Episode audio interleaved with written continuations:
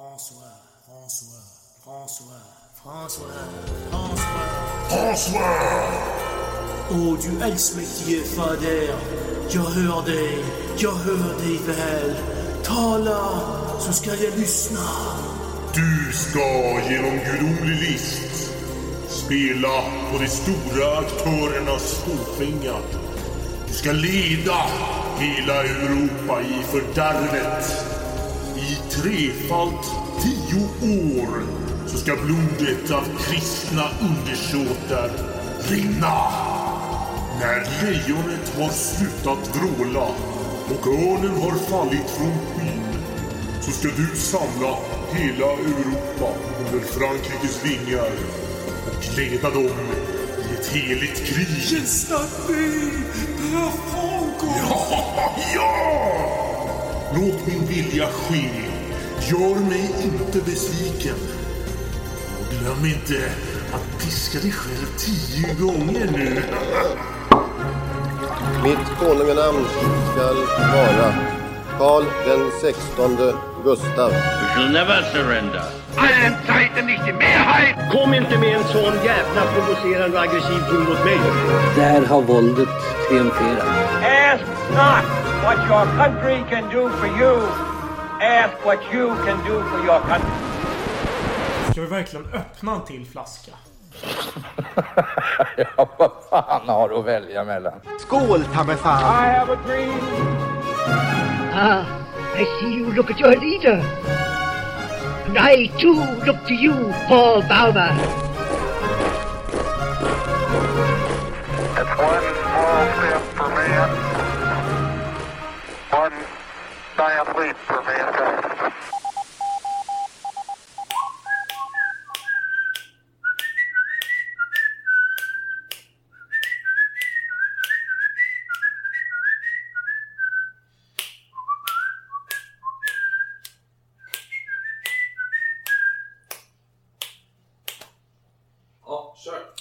Ja, kör. Du. Bara. Jo du, Alex. What?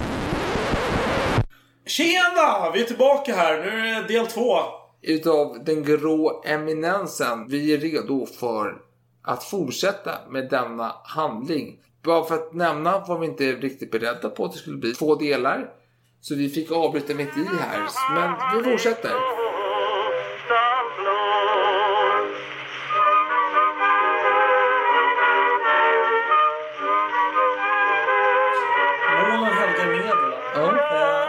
Fall, han är inte indolent nu när han kommer tillbaka från Spanien. Utan Nej. han eh, skapar en ny riddarorden. Mm. Kristna milisen. Och tanken var då att rekrytera ja, ledare och riddare från hela katolska Europa. Mm. Varje medlem ska då bidra till krigskassan utifrån sina egna förutsättningar. Mm, Och, och det här var, som jag förstod det, ganska populärt. Det var många som gick med. Ja, fy fan. Men eh, de stötte på hinder nu då. För den här spanska kungen, han var ju väldigt motstridig. Han, förhind- han eh, lät inte dem etablera sig i Spanien överhuvudtaget. Så eh, hela det här initiativet dog ju så småningom ut helt och hållet. Ja. Kan man säga. Ja, jo. De fick väl någon eh, så här påvlig bekräftelse. Absolut, det fick de. När det var för sent. Ja, då, då fanns det typ bara en medlem. Det var väl sig själv kanske. Nej, jag vet inte. Det var, fanns säkert fler på pappret. Ja, jo, jo. Det var så här älskvärt. Ja, men korståg. Det var typ som... Ja, finns det någonting? Finns det någonting som vi svenskar tycker är liksom trevligt? Välfärd. Ja, vi gillar välfärd. Ja, men jag skriver på för fan. Jag gillar välfärd. Och sen, jaha, vi, vi är med i Välfärdspartiet som egentligen inte är med i riksdagsvalet. men Det är en intressegrupp. Alla skriver upp på Facebook och sen, eh, ja, lämnas det att dö. Ja, ja. Det var ungefär det som hände här. En riktigt skarp nutidsspaning. Nej, jag vet inte om det var skarpt. Det var en höftspaning här. Men vi går vidare. Vi, vi har tidigare pratat om just det här eh, maktkampen här mellan protestanter och katoliker. Det är egentligen inte så mycket till maktkamp, för katolikerna är ju en stor majoritet.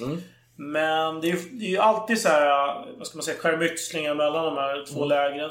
Trots den här ediktet vid Nantes. Eh, och drottningmodern, hon fick för sig att nu fan ska vi plundra den här staden Angers. Okej, ja. Och då dyker grå eminensen lägligt upp. Och, och säger så här, "Nej, men vänta nu, vänta nu. För han har ju koll på den här kvinnan. Han vet att hon är, med Huxleys ord, korkad. Och att hon är självisk. Men då använder han argument som biter på henne. Så han säger så här. Om du gör detta så kommer du eh, brinna i helvetet. Och han använder väldigt starka ord helt enkelt för att övertyga henne. Ja, mycket helvetet. Och när hon tänker bara oh, oh, Jag är helvete för det jävla bönder i Alkärr. Helvete!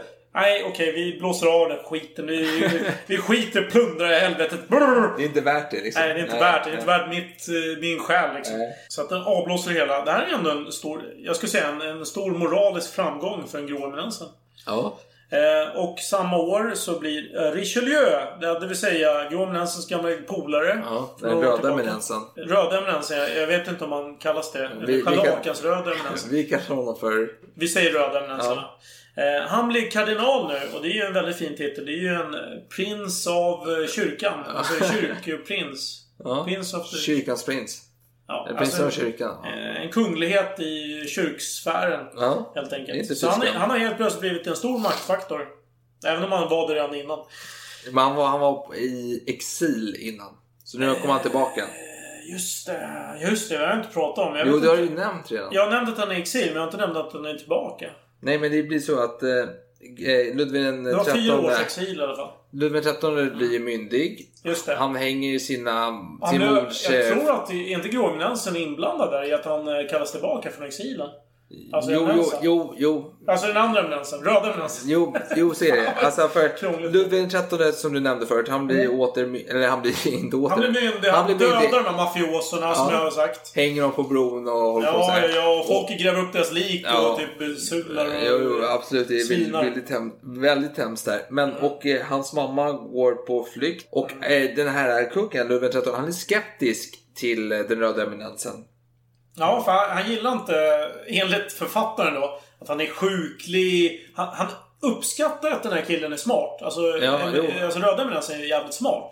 Men, Man eh, gillar honom inte. nej, men eftersom att Ludvig XIII själv är ganska sjuklig av sig så Mm. vill han umgås med friska människor Ah. för att framstå som mer positivt. Alltså jag tänker det är bra feeling när du, du ser massa muskulösa män du omkring dig. påminna om din egen sjukdom kanske? Nej, precis. Det är Ja. någonting som inte framkommer tycker jag. För om man tittar på konstverk Ja. så han ser ju liksom normal ut. Jo, för konstverk brukar vara väldigt verklighetstrogna.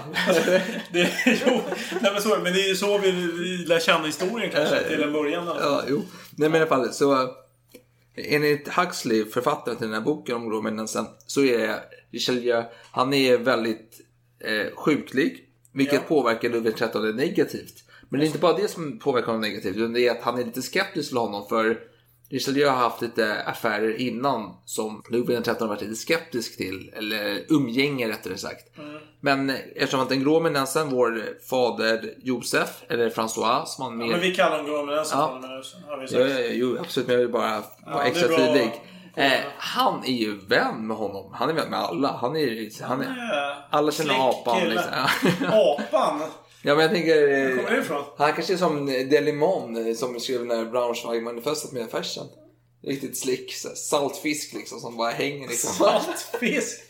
Det var Ja. skönt uttryck. Ja, jo men, eh, jo men jag tänker att... En saltfisk? Ja. Är det När man det, är det vi ska kalla honom? Ja, en saltfisk. Nej, men han känner ju alla och alla tycker om honom. Ja. Så han lyckas ju få in Richelieu i eh, kungens närmsta krets. Eller kungen ger honom förtroende för han är, ju, han är ju bra ifrån sig. Han är ju väldigt smart. Han är en eh, statsman utav Jo, rang. absolut. Så han får den eh, tjänst som han förtjänar. Ja. Och eh, han uppskattar i sin tur grå eminensen. Grå eminensen är en kille som inte vill ha någon befordran. Han, han kan göra all skit. Han kan fan göra till och med röda eminensens jobb. Ja, Utan att klaga. Alltså det här är ju perfekta vännen i eh, arbetssammanhang. precis. Absolut. Och eh, nu beger sig ändå den grå eminensen mot påven igen. Och nu är det en ny påve. Nu är det inte Paulus den femte utan nu är det Urban den åttonde som är på plats. Och eh, om vi säger så här. Sedan den grå eminensen lämnade Rom tills han kom tillbaka. Mm. Började han skriva på en skrift som kom att innefatta 4637 verser. Ja. Eller hexameter, Ja. om man ska använda det uttrycket. Ja, och det, den kallas för Turkiaden. Och eh, han, det var, fanns två ex. Ett gav han till påven själv som eh, tyckte var fantastiskt bäst han har läst på år och dagar. Och ett annat exemplar eh, hittades några år senare utav en annan person. Just det. Vi har en eh, hyfsat samtida abbot som eh, läste det här och gav följande omdöme. Nu får ni hålla i hatten här. Många förvirrande stämningar efter deklarativa verb i indirekta frågor. Den kopulativa konjunktionen är alldeles för ofta separerad från negationen. Hans prosa har för många elideringar av enstaviga ord. Han behandlar eh, konsidigt som en daktyl när det egentligen är en antibacchus.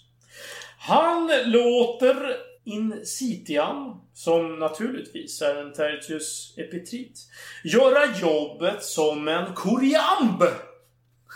Ja, det var hans kritik. Det är Ja. lingvistiskt... Eh, ja. Ja, väldigt, väldigt... Snicksnack. eh, ska vi gå vidare?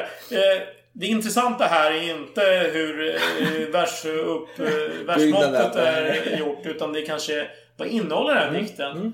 Det är ju oerhört fascinerande. Det här är alltså den grå eminensen som har skrivit. Precis. Får jag höra? Ja, handlingen då. Det handlar om att är ett möte med änglar och det är själva Jesus Kristus själv som öppnar mötet. Wow, vilken början. Ja, det är en dramatisk start här. Och eh, Jesus beklagar sig över muslimernas, eller Mohammedaner, ja. jo. Muhammedaners Ja, eh, framfart i främre Asien. Ja. Och eh, han tycker att de himmelska krafterna måste stoppa detta. ja. Och eh, det är så här att den heliga jungfrun tycker också det. Och hon skulle gärna själv delta i ett korståg. Ja, men det kan vi inte göra. Nej. Nej. Nej. Nej, men hon, hon, hon är Ja, högt ja. stående, men hon vill ändå. Alltså. Jag är en av änglarna här. Ja. Så ni hänger med. Sen berättas det hur Mohammed lockades in i Satans grotta. För han gick in i grottan och Lucifer, Satan, var ju väldigt välkommen. Bara, Tjena Mohammed, hur är läget? Det är bra. Jag skakar hand liksom. Så här, vill du ha en karamell? Men titta här min lilla skorsten som går ner till helvetet.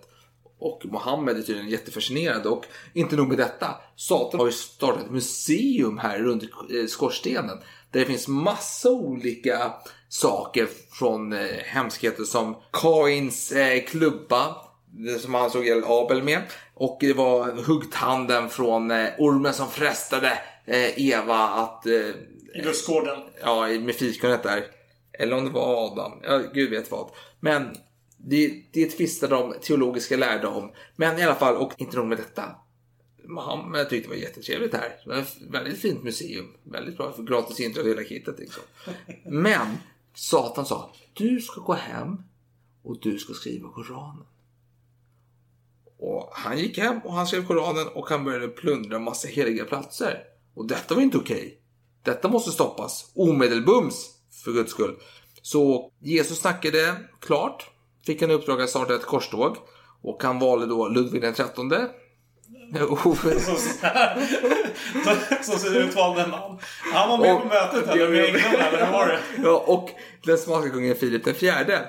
Att de skulle vara utsända. Och Jesus pratade med dem. Vem skulle leda?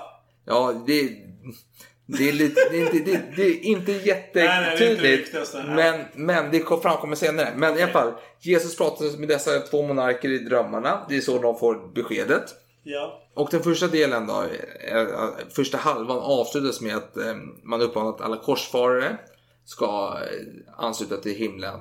Och sen fortsätter det vidare. Alltså först är det lite teologiskt mellansnack då, när han sitter och pratar om treenigheten och allt annat viktigt som man kan tycka. Men sen är det som sagt det är ett nytt möte. Det är helgon som sitter på bänkrader, någon sån här teatervariant. Europas första är på plats. Och eh, man förklarar vilka helgon som är skyddspatroner som är bra att ta med i själva korstågskrigen såklart. Eh, Hörru Sankt Vitus, kan du ta med dig ölen där va? Till, den där, till, till Ludvig där. Han, är, han ser lite törstig ut. Och så, eller? Är du på den nivån? det bra. Ja. Och sen nämns den helige Franciscus. Och den romanensen som skrivit denna, detta verk får in då, han skriver så här. Ty besläktade ting hör samman. Frankrike Franciscus. Olycksbådande namn för turkarna. Så han lyckas ändå få in här Ja, ja, Frankrike och alltså- Franciscus är... Jag får lite leneriförstad-känsla här Ja. med propagandan. Alltså, det, det, det här är som balsam för själen för påven och andra kristna Ja, i- i korsfarar... I alla fall för franska korsfarare. Ja, ja, framförallt kanske. De som hänger vid Notre Dame där och knäböj under eh, Gud, ja. bågarna. Ja, Men, ja, ja. Och sen så fortsätter så att eh, de här två monarkerna då, Filip den fjärde och eh, Ludvig XIII, de får sitta på gyllene troner och Erik Engler kommer fram och tillbaka och det är något jävla stor parad med Moses och vidare. Jäkligt dramatiskt då. Det är propagandaverk. Precis. Eh, Manat till att uppmuntra dessa huvudpersoner Ja. att verkligen... Ja men vad fan, det är klart vi, kör, vi gör det här till en Precis. verklighet. Och viktigast är ändå att korståg, absolut, toppen. Men Frankrike leder det. Frankrike Ja, är det viktigaste. Tuff, det är en tuff eh, tablett att svälja för de här spanjorerna. Ja. Har vi ju konstaterat sedan tidigare. Och den här skriften, den går ju hyfsat hem hos de aktuella aktörerna, men inte riktigt hela vägen. Men på hemmaplanen händer lite saker, så om vi hoppar fram lite i tiden så kommer vi till... Ja, i belägringen med La Rochelle kanske. Mm, det är en bra Eh, och plats. där har du en massa, eh, återigen då, protestanter som... Ja, de uppskattar inte att bli eh, hunsade helt enkelt av Nej. överheten. Nej, men egentligen är väl... Det har varit fler ett tag, men de börjar hålla på och käfta lite. Det är alltid käftande. Ja. Det, det Jo, och de får understöd av eh, britterna som tycker det är jättekul Ja, men britter är eh, också protestanter. Så ja. att, eh, ja, men de vill ju absolut understödja de här La Rochelle-protestanterna. Ja, framförallt om man kan jämföra med Frankrike. Så det är alltid positivt. Ja, men så är det. Frankrikes fiender är våra vänner. Mm. Kan man säga. Så de tjafsar, tjafsar och det här, de är väldigt, eh, vad ska man säga, uthålliga de här eh, protestanterna. De, eh, de uthärdar alla möjliga svält och all möjlig skit faktiskt under väldigt lång tid. För det blir ju en belägring då av staden La Rochelle. Ja. En lång belägring. En extremt lång belägring. Så långt till och med att Ludvig XIII blev otroligt uttråkad. För han är ju faktiskt där i egen person. Ja. Ja, men såklart han är monark, måste ju leda sina trupper. Och vi har eh, både Richelieu och Grovnensen på plats. Ja. För nu börjar Grovnensen och Richelieu samarbeta rent Ja, det är så här att de andra de bosätter sig på fina platser. Grovenansen i ett dike, ett stort dike finns det något tydligen en liten lustgårdsbyggnad, någon liten... Någon jävla stuga i ett dike. eh, Som blir översvämmat då och då. Upp till, eh, jag kommer inte ihåg om det var anklarna eller knäna. Ja. Men det, det blir översvämmat. Och eh, ja, det är helt enkelt en jävlig tillvaro. Ja, men han trivs fall. Han var, han, först, I första stunden får han vara för sig själv och be mycket hela nätterna hela dagarna. Och han äter ju ingenting som vanligt och eh, allt det där. Så han får ju uppenbarelser och han har ju idéer om att man ska attackera La Rochelle. Man ska gå in i kloakerna och, eh, och allting går åt helvete. bra, Det går åt helvete. Men han får ju mycket uppenbarelser. Han får mycket uppenbarelser hur man ska gå tillväga. Guds ord som Richelieu använder sig och berättar till eh, Ludvig XIII och så vidare. Och eh, under den här tiden, han har ju mycket spioner, den rominensen, som är ute i uppdrag för honom. Ja, han börjar få det. Jag vet inte exakt hur han skaffar sig alla de här spionerna. Men han har ju det. Och han, Ja, han- bygger ut det här nätet. Ja. Han är ju en grov som en anledning. Man Ja. har ju inte koll på allt han gör. Spioner rör sig i skuggorna, precis som rominensen. Så de kommer på nattetid till honom. Så det, det, vad det innebär är att han har ju minimal tid att vila. Ja, för han går upp fyra på morgonen. Så Ja. att eh, om eh, de här jävla spionerna kommer mitt i natten. Då är det inte mycket tid till vila va? Nej, men han, han klagar ju inte på situationen. Nej, han älskar det. Han ser till att man sprider massa budskap in i La eh, Rochelle om att hur era eh, protestantiska leder, de är korrupta, de är jävliga, de är förjävliga. Kom till katolismen, det är mycket trevligare. Och vissa blev lite så här, åh fan det här är lite jobbigt här inne i La Rochelle. Alltså vi svälter, så vi eh, deserterar. Och det gjorde man ju med god vilja. Men kom inte med katolikerna så blev man ju hängd istället. Ja, på men- automatik. Nu var det ingen pardon. Nej, Eh, absolut. Det blir avrättning. Och grejen är att man blir så isolerad i La Rochelle så att eh, folk svalt ju rejält. Men eh, det var ju någon hertiginna där som åt eh, råttor serverade Mm. på silverfat. Ja. Och eh, så vidare. Men det fanns ju en katolik, någon eh, vän till kungen, som blev tillfångatagen under belägringen. Ja, någon kusin eller liknande. ja, han hamnade i förvar hos protestanterna. Men han fick varje dag en måltid serverad från konungen Ludvig XIII själv.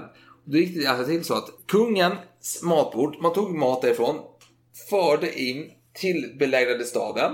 Där man svalt, åt råttor eller Ingenting. ka- kannibalism. Ja, kannibalism ja. också. Ja, ja.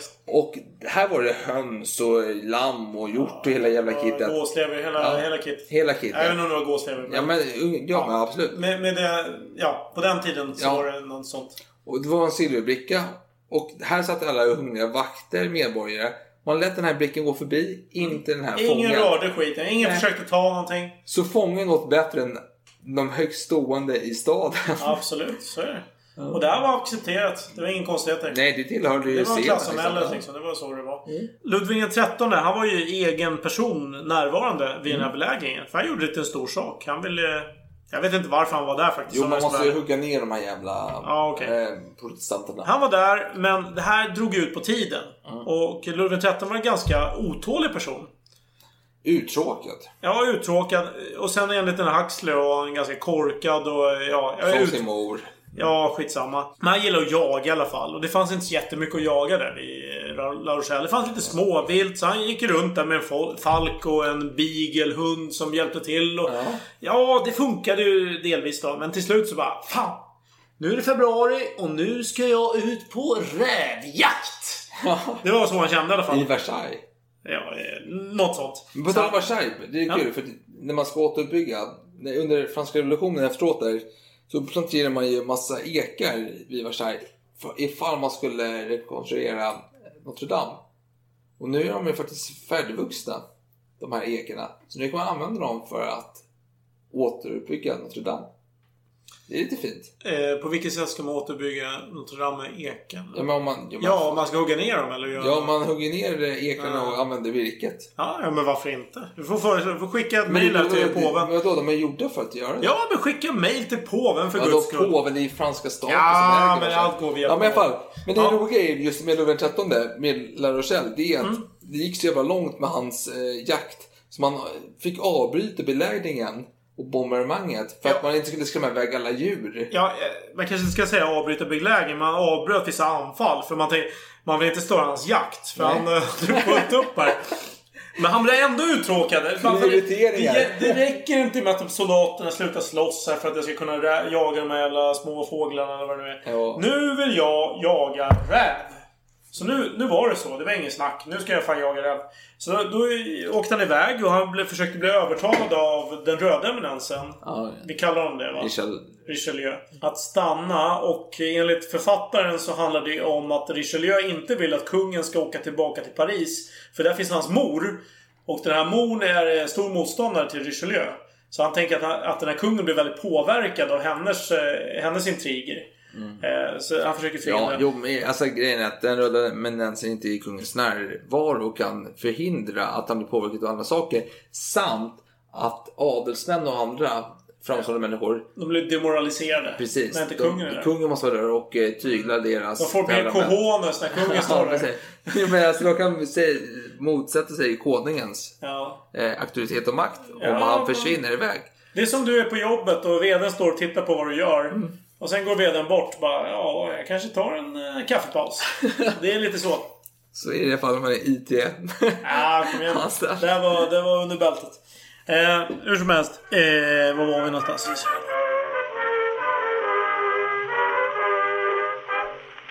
Okej, men nu blir det så. Kungen har bestämt sig. Han ska ut på rävjakt.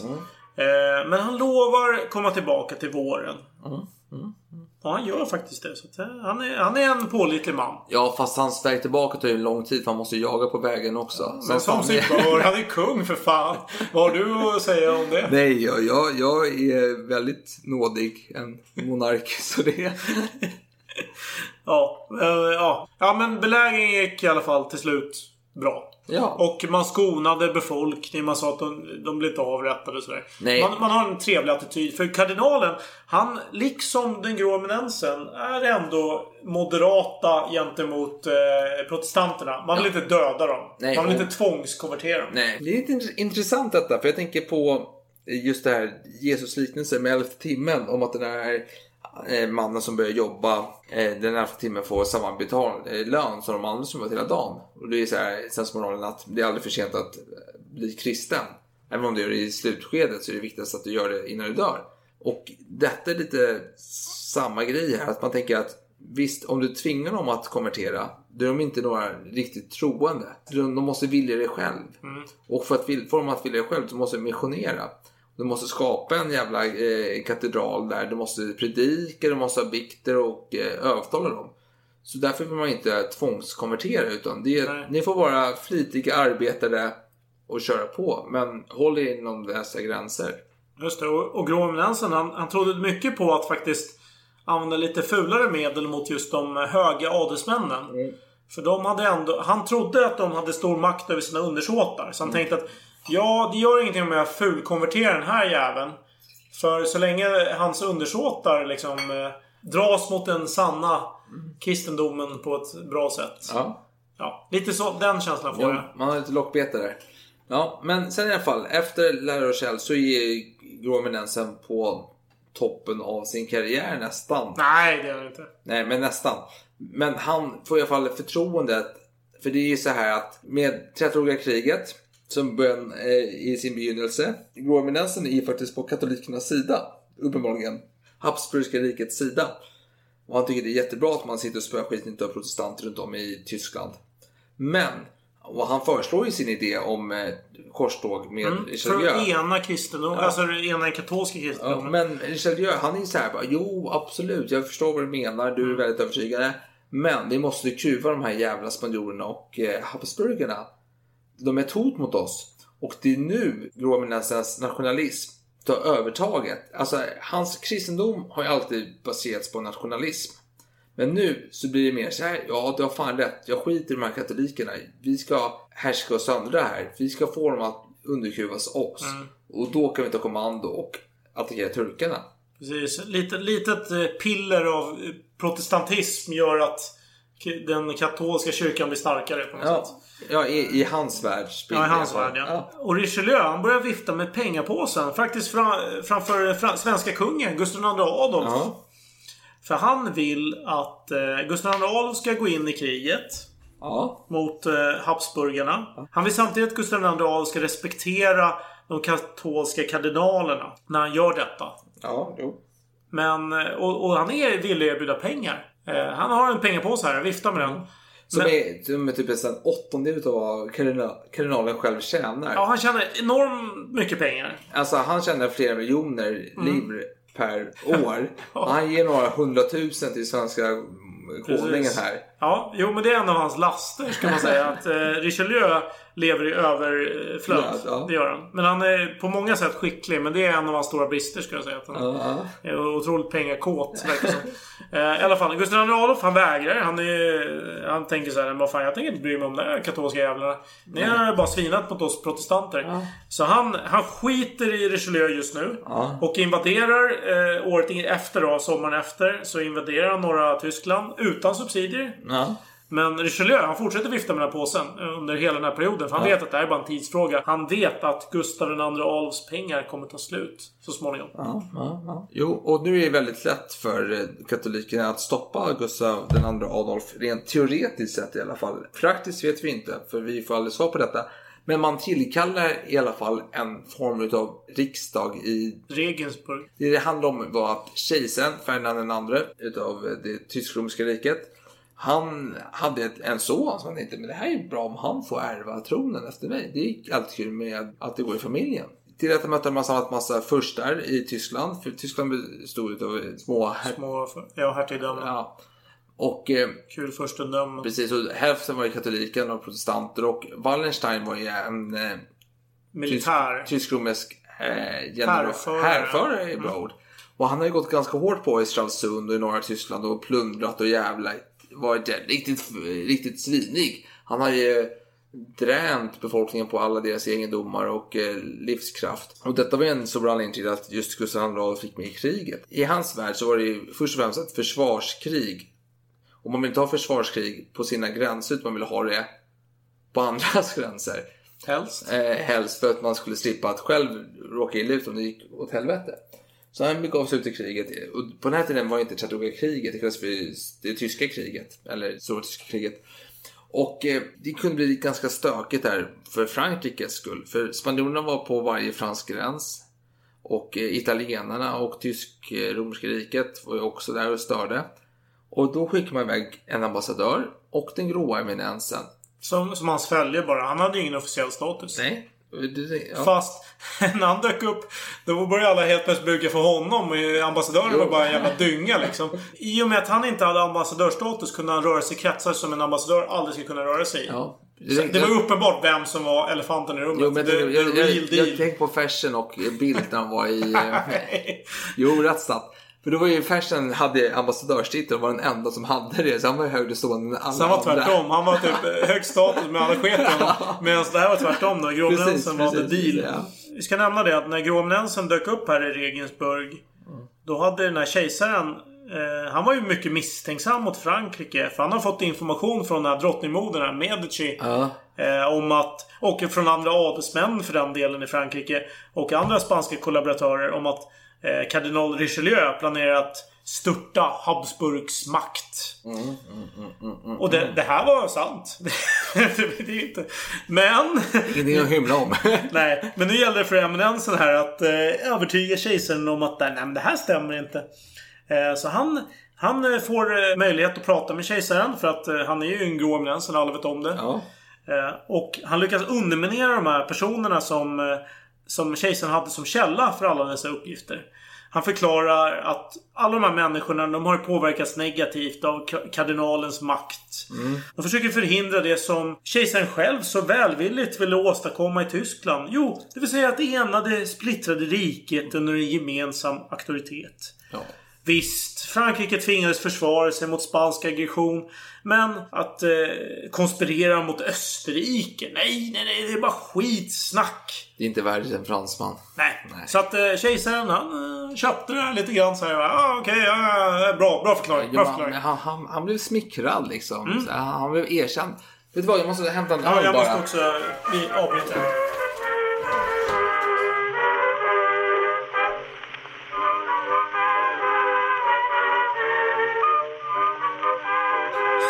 avbryter. Sollerhof Special Export. Vad fan är det för skit?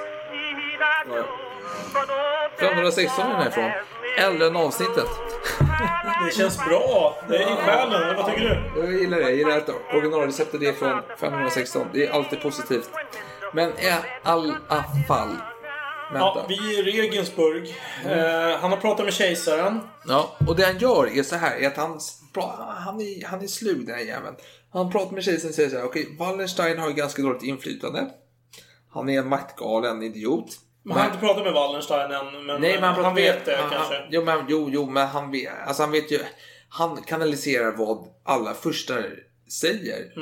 Och han pratar med Wallenstein också. Det är Jo. kanske där det kommer fram då att, att det här är en maktgalen jävel. Han är ju villig att störta kej- kejsaren själv. Han tänker bara Ja men vet du vad? Ehm, Jag skulle kunna leda det här landet. Ja. Alltså lite på den nivån. Jo, absolut. Och det är så här att kejsardömet är väl en, någon form av eh, val... Ja, kurfurstarna Kurfurstar. röstar fram den här kejsaren Ja. på något sätt. Och, då, och kejsaren vill ju ha sin son som eh, avkomma, alltså som efterföljare. Ja, precis. Och då säger eh, Grå Eminensen till kejsaren Ferdinand, den andre att men om du avskedar Wallenstein så kommer de här furstarna bli glada. Ja, för att... Eh, och det är viktigt att nämna här är att jo visst, Gustav II Adolf är på gång här. Han, han verkar anfalla och så här. Men han, han har ingenting att oroa sig för. Han är dynga. Vi kommer ju knäcka honom hur lätt som helst. han- han har bara- Inget att bry sig om. Han har bara ett följe barbarer som står här ja. fattiga och jävliga. Det spelar ingen roll vem som leder armén. Jag kan avskeda den här jäveln. Jo, och det är i och för sig lite sant på visst sätt med tanke på just den här fattigdomen. För det, jag tänker på just när Gustav II Adolf skulle gifta sig så sa han ju att jag måste gifta mig och detta kommer bli dyrt. Och det ska bli dyrt. Ja, för vi måste visa någon form av pondus här, liksom att vi har någon form utav eh, ekonomi. Och det hade man ju inte egentligen. Alltså man var ju ganska eftersatt. Så pengamässigt har man ing- ingenting. Men jag vet inte om Grå Eminens var väl insatt här. Men han eh, ger ju sken av att ha förstått att Gustav II Adolf var en maktfaktor. Oavsett vad hans pengar... Jo, eh, och, jo. det visade sig i efterhand att han hade helt rätt Jo, i den jo, jo bedömningen. men om man säger så här, symboliken var så på den här tiden och det fanns den här äh, sägen om att lejonet från Norden skulle eh, störta örnen. Mm. Och kejs- kejsarens eh, område var ju örnen och lejonet från Norden. Det var ju Kristian fjärde försökte anamma samma sak. Det gick åt helvete förvisso för hans del. Så han gav ju upp den i detta försök och då kom ju Gustav II Adolf här med. Ja precis, danskarna var ju emot det först. Ja, men så han kom ju dit sen och bara hoho, så gick det jäkligt bra för honom. Mm. Och varför gick det bra för honom? Jo, delvis var det ju för att Gromenensen sa ju till, eh, som vi nyss nämnde, att eh, släpp Wallenstein. Och så pratade Gromenensen med Wallenstein och sa Ja, alltså acceptera den här äh, att, att du blir avskedad. Mm. Det är en jättebra grej för att vad som kommer hända är att Gustav II Adolf, han kommer med sin jättemäktiga armé. Ja. Han kommer fan, han kommer ju pulverisera. Nej men han kommer, ju- han kommer ta några segrar. Det är inget snack för han är en skicklig militär. Ja. Så att när han väl har gjort det och typ har eh, fått eh, kejsaren att inse att ja men fan jag behöver någon eh, räddare här. Då kan du komma in som hjälten. och ställa stora krav. Exakt! Du har ju hur mycket makt som helst. Du kan ställa vilka krav du vill. Ja. Och det här var ju för fan, det var ju fantastiska information för... Eller Wallenstein älskade det här. Ja, han var... Så han bara, ja men vad fan det är ju skitbra idé. Så att han, han gav ju sin välsignelse. Så han accepterade den här, eh, ja, avskedandet. Avskedad, precis. Så alla, vad kan säga, det är win-win-win situation. Mm. Johan Nansen är supernöjd för tysk-romerska riket har precis förlorat sin befälhavare. Och eh, ja, vad har mer förlorat? Nej men, nej men, och tyska riket kände sig att vi har förlorat vår bästa befälhavare, men jag kan trygga min son till att bli tronföljare. Just det, precis. För det var ju lite förutsättningarna. Ja, och Wallenstein säger att jag förlorar min post här, men jag kommer tillbaka ännu mäktigare om, säg ett år. Precis. Men det som visade sig var ju att eh, de här första de ville inte rösta fram kejsarens son till När det väl blev val där, för det, de har ju också manipulerat såklart, den grova eminensen. De röstade ju ner det här valet. Så nu sitter kejsaren med neddragna byxor och han har, han har, en, han har förlorat sin dugliga befälhavare. Samt x antal tusen soldater som... Som flydde med Ja. den här befälhavaren. För att Ja. det är ju väldigt mycket personstyrt på den här tiden. Ja. Man tänker idag att eh, man följer ett land och det är en nation man är trogen. Så var det inte på den tiden. Nej. Då var det ju personen. Och då var det ju Wallenstein som person man följde. Så eh, kejsardömet förlorade typ halva sin armé. Så det, Ja. här, det här var ju otroligt stor diplomatisk framgång för... Och eh, Gråminensen eh, gömde sig i skuggorna och var väldigt nöjd med detta. För detta gav ju Gustav II Adolf tid att Mm. etablera sig Precis. i norra Tyskland. Han hade sin här, de gick framåt. Och de gjorde det jäkligt bra ifrån sig. Han försvagade eh, Habsburgarna egentligen. Men målet med detta krig var ju inte att tillintetgöra Habsburgarna. Utan det var ju att försvaga dem. Eh, Men Gustav II Adolf var väldigt skicklig på sin uppgift. Så han lyckades lite väl bra med sin uppgift. Så att det, han blev ju ett hot helt plötsligt. Eh, Han skulle ju potentiellt, kunna bli den nya eh, tysk-romerska kejsaren. Ja, det var ju hans mål också förvisso. Så det här var ju inte bra egentligen för Frankrike om det skulle ske. Jo, men han, till slut går ju pengarna slut även för eh, den svenska armén. Och då, kommer, då står Richelieu där lägligt med en pengapåse och viftar med den. Några hundratusen eh, livre. Jämfört med att han själv drar in typ 4-8 miljoner livre Ja, per år. på det? Alltså, ja, jo. Men, Jo, jo, men, dricka jo, men Wallenstein erbjuder sig också att samarbeta med Gustav II Adolf. säger, Men vi kan slå ihop oss och bli typ den bästa Men han är ju största kappvändaren i historien, Jo. det som. Alltså Jo. enligt författaren. Jo, jo, men du säger Gustav II Adolf säger ja, men du vänder ju kapp oss med fransman så jag kan inte lita på dig. Det där var, det där var lågt. Det var under bältet. Eh, ja, nej. Men han accepterar i alla fall inte Wallensteins svinerier. Så. Wallenstein eh, helt plötsligt... Eh, ja, Han blir återinsatt. Han blir återinsatt och till, på pappret då eh, lydig kejsaren. Ja. Men hans kappvänderi kommer ju ha ödesdigra konsekvenser. Jo, i framtiden ja. Ja. Men sen blir det slaget vid Lützen. Den svenska konungen Gustav II Adolf dör. Och Grå Eminensen blir beskylld för detta. Han anklagar sig för att han har haft spioner som har dödat Gustav II Adolf. Ja, och eh, anledningen till att man misstänker honom och kommer med sådana anklagelser är att han är helt enkelt en grå eminens. Han ligger bakom allt. Han är ju en eh, mastermind. Han är eh, som eh, Sherlock Holmes eh, Moriarty. fiende Moriarty. Ja. Det är så jag tänker. Ja, jo men... Och folk gillar ju inte grå eminensen. Det, det har vi inte pratat om, men han, han upplevs ju som att han inte följer sin ordens eh, budskap. Utan att han, han skapar splittringar inom det kristna Ja, sfären. Han, är, eh, just mellan Habsburgare och eh, Bourbon, Frankrike. Folket upplever ibland som onödiga krig. Även om de kanske var nödvändiga ur ett högre politiskt perspektiv. Så ser de det som meningslöst och som en splittring. Jo, men det är från ett högre nationalistiskt eh, synvinkel. För det är så här att det finns en eh, italiensk jävla håla som man håller på och kämpar för. Och då har man hamnat i krig med italienarna och spanjorer och tyskar bla bla bla bla bla bla. Och eh, detta är Richelieu väldigt mån om att man ska försvara. Och även neuroeminensen. Neuroeminensen efter att han har lurat byxorna utav den eh, tysk-romerska kejsaren och eh, Wallenstein.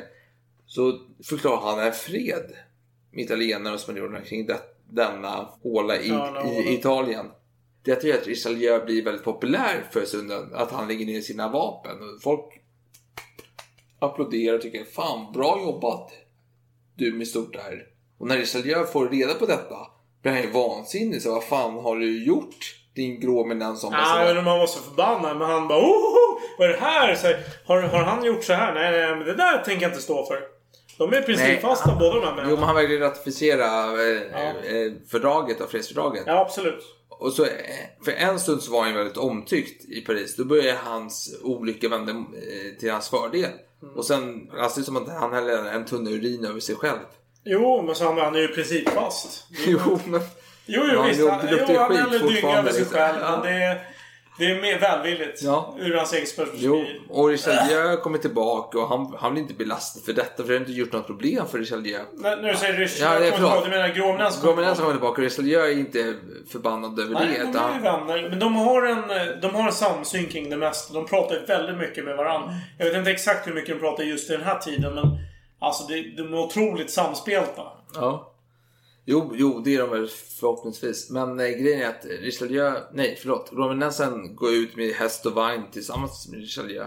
Och skapar ändå så här, fan vad modiga de är liksom. De, de vågar möta Eh, jo, jo, hetsen. Ja, förlåt. Vid, vid något tillfälle då började Richelieu börja bli orolig för han var väldigt impopulär och han, han började bara fundera bara Fan vad har jag satt mig in i? Jag ska nog gå in i väggen eller någonting. Och då kommer helt plötsligt gråeminensen upp. Ja. Så börjar han predika och så när märker han inte biter på den här uh, Richelieu. Richelieu. Så tänker jag bara fan är det som här? Vad fan? Är du en jävla våt höna eller? och det här är alltså ett franskt uttryck för att beskriva att någon är feg. Ja, jo. Och det här bet, det här var. Han hade ju, alltså Grå Eminensen har ju väldigt bra människokännedom verkar som. För det här var, det var verkligen perfekta orden till Richelieu. För då bara, då kände han bara åh helvete jag är feg. Jag är ingen Ja. höna liksom. Jag är ingen jävla Du är en jävla kock. Jag är, jag är en tupp. Så han, vad han gjorde då? Richelieu, det var att han begav sig ut på Paris vägar in i en vagn. Mm. Utan vaktstyrka runt.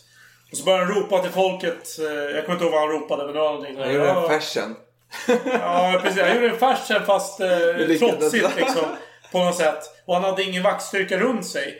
Och det här respekterades av parisarna. De såg ju bara Jaha, när kommer den där jäveln som är hatad av alla? Och så kommer han och ropar en massa grejer. Bara, han har ingen vaktstyrka bredvid sig. Fan, han verkar ju vara jävla... Han Jo, verkar ha så kallade cojones. Nej men de hade ju fan pengar på som... Eh, Han kastar säkert ut pengar. Ja men han kastade inte ut några jävla pengar. Han Ja, hade ju ja. en anställd som kastade ut pengar ja. åt honom. Men till skillnad från Färs, alltså det här visar ändå att fransmän är kappvända utav rang. Liksom. De bara, jag hatar den här mannen. Så bara, han, går, han går ut på stan, wow. Bravo, bravo! Det- Det är kristligt att förlåta, eller hur? Alltså. Jo, absolut. Självklart. Men i alla fall. Eh, nu har man ju lyckats... Eh, man har lyckats skadeskjuta både Habsburgska riket och eh, spanjorerna. Och man ligger ganska bra till fransmännen här. som Mm, precis. katoliker. Och nej, men man förlitar sig lite på Gustav II Adolf. Men, man vill, men det här det går väldigt bra för honom. Då börjar man bli lite orolig. Men det, det påverkar inte riktigt kanske utrikespolicyn. Då var det ju faktiskt ett lyckodrag. Just Lützen där. Att eh, den salig konungen Gustav II Adolf eh, Omkom. omkom. Ja. Eh, det, det kan man tycka eftersom det allierade Frankrike. Oj, vilket hemskt missöde. Nej, det var ju perfekt för Frankrike. Det var ju ultimata. Jo, men sen kom ju Banero Kompin Torstensson och så vidare. Ja, så då blev, fick man ju tom, lite subsidier. och, Men, men samtidigt, nu, nu försvann den här stora härföraren för Sverige på pappret då. Och det var lite lättnad ändå. För nu kände man att ja, men man har försvagat de här spanjorerna tillräckligt i alla fall. Eh, men de, nu har inte de tagit övertag. Så nu, nu är vi med i spelet här igen. ja. Vi fransmän. Eh, Och Romanensen, han satsar på ett korståg igen. Han tänker vi måste gå mot turkarna. Och Richelieu är lite så här att ja, men Vi måste kuva spanjorerna och österrikarna för att ha en möjlighet att... Eh, ja, för att det ska ens vara, ska vara aktuellt för en Ja. korståg. För ett korståg utan Frankrike som eh, avsändare är inte acceptabelt. Och Ludvig XIII är med på samma tåg. Kan ni inte? Jo, absolut. Men Spanien. Jag måste kriga mot Spanien. För när jag krigar mot Spanien och kuvat dem, då kan jag använda dem i mitt syfte för att attackera turkarna. Grejen är att nu när eh, Gustav II Adolf har dött. Eh, vad det här innebär för det 30-åriga kriget är att Frankrike aktivt måste delta.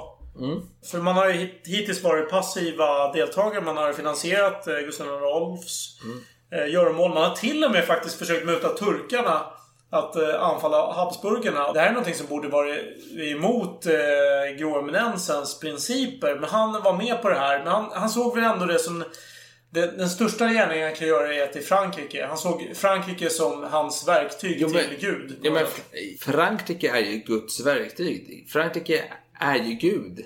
Exakt. I hans värld är Gud Frankrike. Precis.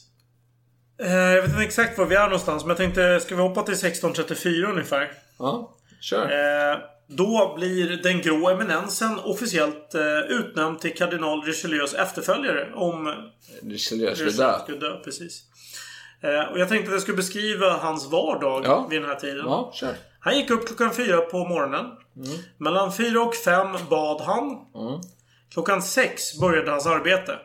Hans ständige sekreterare sedan eh, 1619, det vill säga, ja, blir det 15 år tillbaka. Fader Angelus högläste dagens sändebud från franska ambassadörer och hans spioner i utlandet. Ja. När det var över dikterade eminensen passande svar under tre timmar. Ganska lång tid. När detta var över, det vill säga klockan nio, så gav han audiens åt höga regeringstjänstemän och utländska ambassadörer. I vissa kniviga fall så lät han besökarna besöka eh, kardinal Richelieu. Som han hade fritt tillträde till. Han hade en privat eh, trappa där Ja, ja, absolut. till honom. Eh, och det här fortsatte ungefär till ungefär 12-tiden. Då han besökte mässan. Eh, när mässan var över, och det här var ju ett annat kapell än det som Richelieu gick Ja, på. de har varit bredvid varandra. Jag, vet, jag undrar varför. Det kan vara att de vill täcka in, de vill observera de andra deltagarna kanske. Är det någon som säger något konstigt? Ja, men vet du att författaren reagerar också på att det var på olika... Ja, det är därför jag reagerar. jag har inte tid att tänka själv. Jag bara följer. Ja, ja. Mm. Mm. Oklart, men de är i olika kapell. När det är över, då tar han emot alla andra. Ja, klete och plete om man ska använda Ja, svenskt uttryck. ja. Och eh, det kunde vara hovmän som ville ha någon tjänst av något slag. Typ, eh, fan vet jag. Eh, hur odlar man den här eh, blomman eh, på ett heligt sätt? Mm. Kanske det. Eh, det kunde vara munkar med rapporter. Eller uppgivna kvinnor vars makar hade hamnat i Bastiljen. Alltså fängelse. Ja, jo. Det är svårt. Alla möjliga människor. Men! Han var en helig man. Han sände inte iväg någon utan att prata med dem innan. Nej, nej, nej. Trots hans höga position. Eller ja, han hade ju ingen hög position men... Ja, ni förstår vad jag menar. Ja. I alla fall, han snackade med dem och sen klockan ett så fick han äta sitt första mål för dagen. Han gick upp fyra på morgonen. Han åt inte ett jävla piss. Nej. Fram till klockan 13. Det är ganska lång tid. Ja, det är jäkligt lång tid. Det är ändå 6, 8, 9 timmar. Nu tänker man så här, nu fan nu är det dags för en pizza med extra bearnaise och Ja, extra eh, kött. absolut, och... absolut. Ah, det blev inte riktigt det. Det blev soppa. Och endast en bit kött. Och sen var det lite restriktioner kring vad det var för typ av bit kött. Jag orkar inte ge mig in på det. Och inget vin såklart. Eh, eller ja, såklart med nutida mått mätt. Ja, på den tiden tyckte man det var ju otroligt uppseendeväckande. Va? Inget vin! Va? Nej, ingen en bit kött! Herre Jesus! Det är, tänkte, det är vegetarisk kost rakt igenom för dem. Alltså, det är så här, Alltså, för dem var det så- Sojakorv! Vad fan menar du? Ja, Det- nej, det- det går det, inte. Det Det var ju måste- som Herakles dåd liksom. Det var ju Ja. på den nivån att det Ja. var ju otroligt. Va? Va? Kunde du göra det här? kunde du äta en måltid utan vin? Helt otroligt. Utan gris och höna och eh, ko. Nej, Mm. det, det går inte för sig. Ibland kunde det vara så att han blev inbjuden till kardinalens bord. Alltså Richelieu. Men för det mesta åt han eh, på sitt eget rum. Tillsammans med sin sekreterare och någon eh, vän då och då. Och de här vännerna, det var väldigt torra och kyrkliga personer. Ja, alltid. Eh, och när han åt ensam, då läste han den här Fader Angelus som jag tror att jag har nämnt. Någon munk där som eh, han sekreterare. Som läste högt för honom från en bok om kyrkohistoria. Eller liknande. Och hjältar. Lite gulligt ändå. Det är precis som Karl XII och Foch och alla andra. Man vill ha lite så här hjältesagor berättade för sig. Ja, ja, precis. Inspiration. Efter lunchen så kunde han bli kallad kardinalen ibland. Om det var något viktigt. Men oftast hade han några timmar lediga för att hålla audiens. Ja. Återigen. Och eh, klockan fyra, då tackade han av de sista besökarna och gick ut i trädgården. Eller om det var riktigt dåligt väder, typ blixtrade och spöregn. Då kunde han hänga på slottet där i gallerierna. Och bad såklart. Ja. Eh, klockan fem, då var han tillbaka på jobbet. Och eh, ytterligare tre timmar kämpade han på bakom låsta dörrar. Med att skriva brev till kungen. Han hanterade olika brev till eh, de här spionerna han hade i olika delar av världen. Eller världen, Europa blir det väl. Ja. Ja, han kämpade på helt enkelt. Och sen klockan åtta, då var det dags för middag. Vi vet ingenting om vad han åt till middag. Men eh, Troligtvis soppa eller någon jävla säkert något sånt. Fasan. Det vi vet är vad han åt till efterrätt. Jaha. Det var pepparkakor. Oj. Storartat. Och då, nu frågar han, var det pepparkakor för att eh, Ludvig XIII var förtjust i pepparkakor? Eller var det för att han själv ja, var förtjust? Ja. Djupt intressant fråga. ja, troligtvis för att han själv var väldigt förtjust i det. Men i alla fall. Ja, men är vi klara här? Vänta, jag har lite Jaha, mer. Ja, förlåt. Du, Nej, nej, nej. Jag var väldigt bra avsluta med pepparkakor. Nej, det är inte klart. Han har ju ätit upp sin efterrätt. Nu går han ner till Richelieu. Och diskuterar tills det är dags att gå och lägga sig. ja, men det är så. Vad diskuterar han då liksom? Ja, bra fråga. Jag... Såg du den där jävla nunnan alltså? Vilken jävla... Fan, vilka... Hej hon hade! Nej, det här var ju... Jag, jag kan inte fort... Mhm.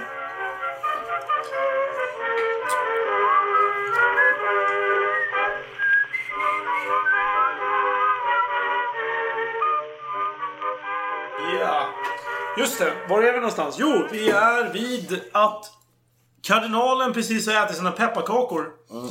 Nu var det dags för honom att gå ner till Richelieu och diskutera. Allt möjligt. Inte vet jag. Vad har du sett för schyssta nunnor med härliga eh, böner idag? Ehm, eh, och sen när de har pratat färdigt. Då är det dags att gå och lägga sig. Och eh, för den här grå eminensen, då är det inte en härlig gåsfjäder... Eller vad heter det? Dun? Gåsdun? Duntäcke? Duntäcke och sånt. Nej! Nej. Faktum är att det inte ens var något täcke. Han sov på en madrass som var tunn och hård. Och var på plankor. Han hade absolut inget täcke. Han sov i den hårtröja man bar. Han hade burit den hela dagen då. Eh, under andra kläder. Så han sov i dem då. Och eh, eftersom han brukar tortera sig själv. Eh, ja, piska sin rygg Ja. och så vidare. Och sen Dessutom så torterade han sig på annat sätt. För han hade fått sämre och sämre syn. Ja. Och då hade hans läkare inrådit honom att, att, köra ett strykjärn i bakhuvudet. Självklart. Fixa grejen. För, att- för att stimulera. Har du huvudvärk? Ja men ta ett strykjärn mot Exakt. Så här han gjorde det. Så när han gick och la sig då... då med, med stor sannolikhet så var det med stor smärta han la sig på den här hårda madrassen. Ja. Men... eh, Smärtor, det är ju bara något förveklingar. Ja, det, det är njutning för sådana här men... eh, Led Kristus för honom kan han väl lida fan för. Jesus. Precis. Ja. Och nu kan man säga att hans dag är över. Det var en bra dag, för nu hoppar jag fram till hans sista tid i livet. Eller vill du ha någonting annat? Jag vet inte om jag ska ta någon så här nutida... Alltså någon, någon samtida vittnesmål honom. Nej, det var så. Okej, kör. Ja, nej men maj 1638. Han får ett slaganfall. Stackars jäkel. Ja, och han blir jävligt krasslig efteråt. Han, han repar sig, men han är fortfarande inte i gammal god form om vi säger så. Även om han tror det själv och att han kör ju samma schema som han alltid har gjort. Han blir inte chockad av det. Han bara kör på liksom. Han, Jo, jo. Alltså det här är en kille som... Eh, ja, inte drar ner så mycket. Utan han anpassar sig. Bara, "Jaha, jag är på väg att dö. Ja, men då kanske jag ska köra de här Ja, samtalen. men jag tänker på den här, vet, den här bilden på den här um, löparen, långdistanslöparen som eh, får, vad säger man, han blir väldigt nödig under Ja, nej, loppet. den bilden. Vad fan. Och- Alltså skiter på sig under loppet. Ja, precis. säger. Och fortsätter. Det är inte det eh, Ja, Robin ja, Nelson kör ja, här. det är en bra liknelse. Ja. Jag gillar det. Ja. Och i alla fall han kör. Och eh, under tiden så är Richelieu, han, får också, han är ganska krasslig han också. Inte lika krasslig, men han börjar närma sig slutet av sin epok här. Han har sina incidenter han också. Jo, så han får ju tillsluta en press om att han ska förbereda sig för sitt möte med sin skapare. Och då säger ju då Richelieu, har aldrig haft några fiender utöver de som varit fiender till staten. Ja, det är ju fint. Det är patriotiskt. Jo, patriotiskt, men det är väldigt självgodhet.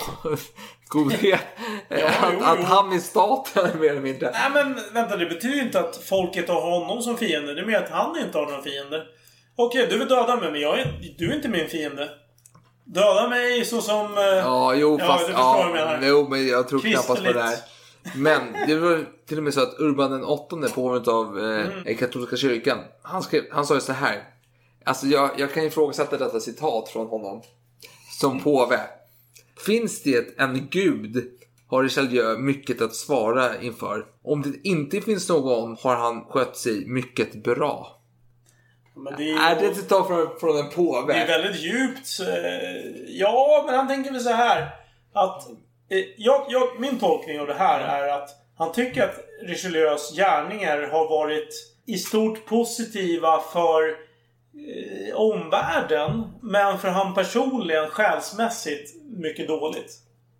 Ja, jo det är en, det är en tolkning. Men eh, alltså att, att en påve sitter och ifrågasätter om det ens finns en gud. Ja, nej. Det känns ja jo, nej, det kan, Jävligt diskutabelt på sätt. det, det kan man absolut Ja, men jag förstår vad du menar. Men Ja. jag, jag är bara när restriktioner kring att reservationer. Det är alltid bra reservationer. Jo, Det känns men- som att vi saknar en del. Jo, Jag men- skulle vilja ha en nykter röst som, som sitter här och säger bara Hörru du, det där var jävligt konstigt sagt.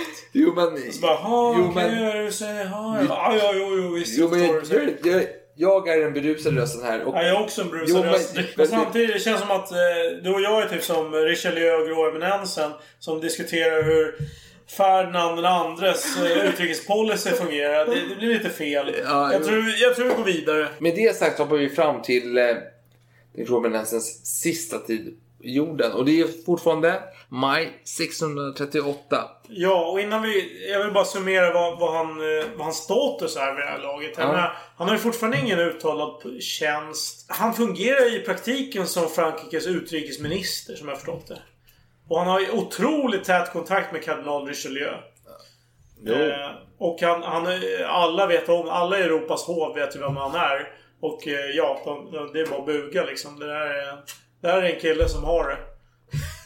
Okej, absolut.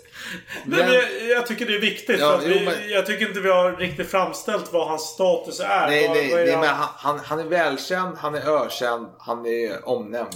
Ja, och han är hatad bland gemene man för att det man har gjort under hela det här 30-åriga kriget är att man har höjt skatterna och det är folket som har lidit otroligt eh, mycket under kardinal Richelieu i första hand då. Men Grå Eminens är ju hans and, högra hand. Och det vet ju alla om. Ja. Och det är det som har finansierat de här framgångarna i 30-åriga kriget. Korrekt. Men jag hoppar, han fick ett slaganfall i maj 38. Men den 11 december, då har han ju repat sig lite i alla fall. Då flyttas han från en cell som var hans eh, ämbetsrum i kardinalpalatset. Och han flyttar till en eh, klostercell i Le Marie. Och eh, under helgen, han flyttades på lördagen och helgen var ju då alltså lördag, söndag, måndag. Och då skulle han ju hålla tre föreläsningar om böner. För böner var hans specialämne och det han kunde mästra. På må- alltså lördagen, söndagen föreläsningen gick, alltså det var ingen, det var ingen anmärkning överhuvudtaget. Men på måndagen gick hon klockan sex på morgonen, pigg som en eh, lärka. Och under föreläsningen började han helt plötsligt vomitera. Oj! Ja, och då började jag säga åh, folk var så nöjda. Det var ju bara nunnor i publiken. Jag bara, åh! Han bara åh. Han har varit ute på nattklubb och Ja men verkligen. Han, han har druckit Smirnoff Ice hela kvällen. Nej men i alla fall. Och han sa så här. Jag går undan. Men ni nunnor i publiken, ni måste stanna kvar på era platser. Ni får inte röra er ur fläcken. Jag ska bara spy klart där i några timmar. Och efter ett tag så var han ju färdig med sin, sin vomiteringsanfall här. Så han fortsatte prata och så började känna så här. Nu börjar jag rösta svikon. Ja, han bara, sen började jag fråga så här. Hör ni mig? Hör ni mig? Fast i praktiken skrek han Hör ni mig? Nej. Hör ni mig? Nej, han var känslig. Och nunnorna, de är så här jättetrevliga. De är så här varma människor. De är som Maria rakt igenom. De bara ja, ja vi hör dig, Josef. Så de är jättetrevliga där. Så han fortsatte gö- köra sin predikan i två timmar eller någonting. Och eh, ja, sen gick han, eh, dagarna gick, eh, han gick tillbaka till sin cell och bad några timmar såklart efter att han var Alltså han börjar ana att hans tider... Jo, men, jo absolut, men han har ju ändå bett 4, 5, 6 timmar varje dag Ja, hela ja, sitt jo, liv. jo, Så det är inte visst, något men han, han konstigt. förstår ju det att det kanske är dags att börja Ja. säga sina farväl. Mm. Och sen några dagar senare så träffade han ju eh, Richelieu. Mm. Och då Richelieu säger så här, men fan följ med på operan, jag har bra platser, jag har lågt ständig plats. Och, och viktigast av allt, det här är väldigt seriöst ämne. Det är ingen jävla... Det är ingen så erotisk eh, pjäs här. Det här är torrt som fan. Riktigt kristet liksom. Extremt trist kristet. Det är bara lidande. det är så här torrjuckande rakt igenom liksom. Typ så. Ja, jo. det här var ju väldigt lockande såklart. Ja. Men... Ja men eh, Richelieu, nej förlåt, inte- Richelieu eh, pressade ju eh, gråeminensen. Men eh, fader Josef då, han var såhär, nej, nej, jag måste hem och göra viktigare saker. Jag måste sitta och ta diktamen här Han hade min... lovat någonting. Ja. Han påstår i alla fall till kardinalen. Ja, jag tror det var något sånt svar till någon liten nunna som hade frågat om livets mening till honom. Ja, säkert. Ja. Och eh, han var inte den som sa nej till det sånt. Så han svarade och tog diktamen där. Men i alla fall, han fick ett nytt slaganfall. Och då, man trodde att han var ju ute här i matchen. Man gav ju bud till Richelieu som satt på operan då på kvällen. Och han ville inte bli störd. Man sa så här, kom en jävla munk här som bara försökte störa föreställningen. Han blev ju upprörd. Han ställde sig upp och började ropa så här, "Åh, Vad håller du på med? Åh, Jag håller på att titta på opera här för fan. Och, och starta en scen liksom. Sen började den här munken viska i hans öra och bara...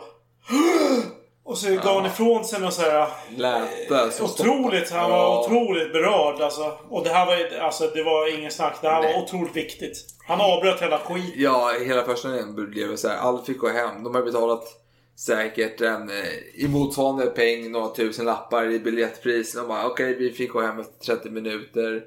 Richelieu här var ju väldigt besviken. Löfven var besviken. Vi går hem. ja, men i alla fall. Eh, och eh, Richelieu, Richelieu sprang ju upp då till eh, Josef Gråmenensens eh, rum. Och klappade lite på honom och smekte honom och eh, pussade honom allt vad man gör när någon är dödssjuk. Vad vet jag. Och inte nog med detta. Utan den franska konungen började skicka brev till påven. Just det. Viktigt. För dessförinnan, till och med sex år innan faktiskt, så har kungen ansökt om att eh, få en kardinalhatt på eh, den här grå eminensen. Så det var inte att man sitter och meddelade kungen för att eh, gråmenensen var sjuk. Utan det var att man ville stoppa att han skulle få en kardinalhatt. För det var ett slöseri eftersom att han skulle dö. Precis. Nu, nu på slutet här vill man ju... Jo, för så här är det. Det här är ett intressant system. Det var att på den tiden så hade de här eh, furstarna i Europa, de hade rätt till att begära vissa poster. Och man vill inte slösa en post på någon som precis skulle dö. Nej, nej, nej. Så man hade visserligen ansökt i sex år om att den här mannen skulle få den här posten. Och man hade fått någon slags löfte om att det kommer ske. Men nu när han är på väg att dö, då är det inte så intressant längre. Då vill man inte slösa den presentkortet. Jo, men i alla fall. Sen kom en kapucinmunk, eller någon utsänd från orden, kom till fader Josef och började klappa på honom. Men tja Josef, känner du igen mig? Men är inte, någon itali- inte han, eh, han som leder själva Cappuccino? Jo, men vi, till, vi var på Tylösand tillsammans. Jag så bara, känner du mig? Känner du mig? Han bara... ja, Eller ja, han kunde inte svara, men han höll på med någonting. Jag vet någonting Jo, med handen nej. va? Mot hjärtat. Jo, men han började klappa sig själv på hjärtat med vänster med höger hand. Mm. Han slår sig själv. Svagt förvisso, men han slog sig själv på Ja, ja, hjärtat. tydligt. Jag tänker på Wolf of eh, Wall Street. Nej. Nej! Så här, det är en av de här jävla lu- lurendrejarna alltså, som, slår sig själv. Bara, jo, jo, men jag är en av er alltså. Jag lurar också människor. Nej, för fan. Eh, Den här känslan jag får. Men i alla fall, skitsamma. Om vi hoppar förbi min känsla. Ja, så är det så att eh, förutom den här kapucinermunken. Så kom det vara någon så jävla biktpräst som eh, fader Josef, eh, eller igår, eminensen hade biktat sig för några dagar tidigare. Han var på platsen och sa så här. Nu måste du fokusera på det viktiga här eh, Josef. Tänk på eh, Gud. Tänk på dina, din räkenskap. Och eh, att du ska, dina handlingar ska vägas på Guds våg här liksom. Och eh, då börjar eh, nästan gråta, tårar rann ner för hans kinder. och Bara, Åh, räkenskap. Och det är också lite så här, det är kul att den här prästen går in med en fientlig inställning. Så här, Gud, Gud ska väga dina handlingar på sin våg. Inte så att du har varit from som ett lamm. Jag kommer att sitta och här, linda in ditt kött med silke och bara ge till Gud i en jävla bomullsförpackning. Utan det är så här. Du ska vägas på Guds våg för dina handlingar, punkt slut. Det, det är ganska hårt. sakligt. Osakligt men hårt. Ja, men han är som en läkare. Ja, och eh, då satt där eh, fader Josef bara Guds Han räkenskap. slår sig på hjärtat Ja. eller vad fan han gör. Guds räkenskap. Och, så, och sen upprepar han det om och om igen. Det är Ja. lite som eh, en sån här skräckfilm känner jag. Ja. Det är typ en, en eh, Stephen King. Jo, verkligen. Men jag tänker på Exorcisten där. Så här. Ja. Ja, Fast eh, något lite annat. Och så bara avlägga räkenskap. Avlägga räkenskap. Räkenskap. Avlägga räkenskap. Och så sitter han och blir panikslagen. Tårar rinner från hans ögon. Och sen på kvällen då, på natten, midnatt mot den 18 december. Så kunde han inte greppa sitt krucifix längre. Då började... Och, och, han, han fick ett krucifix och hålla om och visa. Och tårarna eh, bara spretar ur hans ögon och det är ganska dramatisk scen ändå. Mm. Ja, jag blev faktiskt väldigt berörd utav denna slutscen. Jag tror någon som är ännu mer teologiskt insatt skulle vara ännu mer berörd. Men Ja, men, ja, fast jag tänker så här. Är han ångerfylld för sin insats? För han har ju ändå lyckats skapa Trattuggarkriget i, i den utformningen den sker. han, han Alltså, försökte säkert lösa de problemen han såg att han kunde lösa. Alltså konsekvenserna Jo, är svåra men, men han, har inte varit så här cappuccino-order-mässig. Alltså han, han skulle gå till fots hela tiden. Han fick till slut order om att åka vagn när, eller han fick, kommer man säga, tillstånd att åka Mm. vagn, häst och vagn när det behövdes. Ja. Han lydde ju inte order hela tiden. Ja, jo, men han lydde väl order. Men det var väl Jo, att men han fick han- order om att eh, inte lyda order. Jo, men han fick undantagstillstånd hela Ja, men tiden. det var, inte på, alltså, det var inte han som bröt mot order. Nej, nej, nej. Han gjorde alltid vad han Ja, var ja absolut, absolut, absolut. Men jag tänker så här. Är det tårar för att han inte har varit så gudstrogen som han har, borde ha varit? För han har ändå agerat i, i det franska intresset. Han har gjort en hel del saker som har satt andra människor i skiten, uppenbarligen. Och oavsett vad som sker så dör han på lördagsmorgonen när han inte orkar stå emot längre. Och då säger Richelieu när han får reda på beskedet om att han har dött följande. Tje... Nej, jag kan inte säga det. Så, Nej. jo, längst ner. Nej! J'ai perdu mon appui!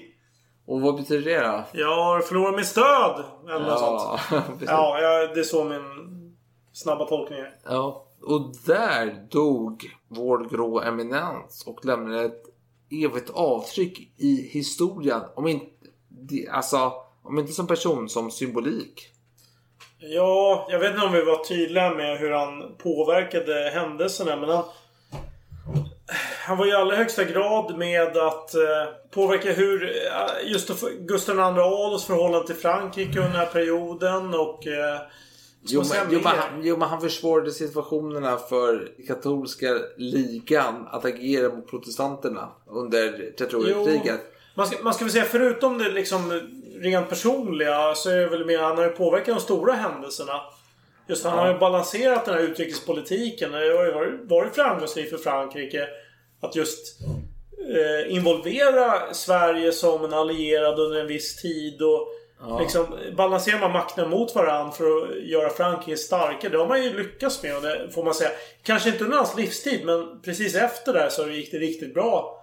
Ja. Eh, och eh, sen gjorde ju Ludvig XIV, ja, även solen har sina fläckar. Eh, så så eh, han drog ju tillbaka den här edikten vid Nantes. Ja. Vilket var olyckligt då för att de här protestanterna var väldigt bra människor att ha eh, Jo. i sitt rike. Men det han gjorde var ju att han skapade intolerans som drev ut de här att flytta utomlands. Mm. Och ja, det folkmord i stort sett. Ja, Det var ju väldigt trist. Franska metoden. Det vet jag inte om jag Ja. ställer mig bakom.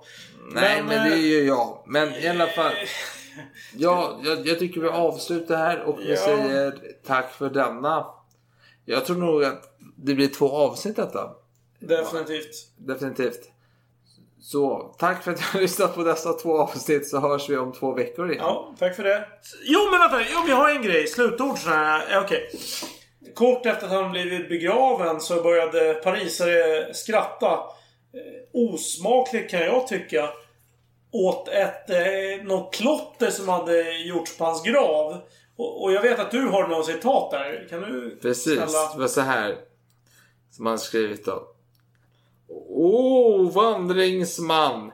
Är det inte sällsamt ting att en djävul skulle vila närmast en ängel? Och den här ängeln som man pratar om det är då en som heter Angulus som jag tror var en av de som eh, rekryterade eh, gråeminensen i första läget. Ja. Så de var begravda på samma kyrkogård bredvid varandra tydligen. Så Så det var var en, en ordvits helt enkelt. Ja. Men osmakligt kan jag tycka att skratta åt sånt här. Men ja, det är en del som gör som de gör.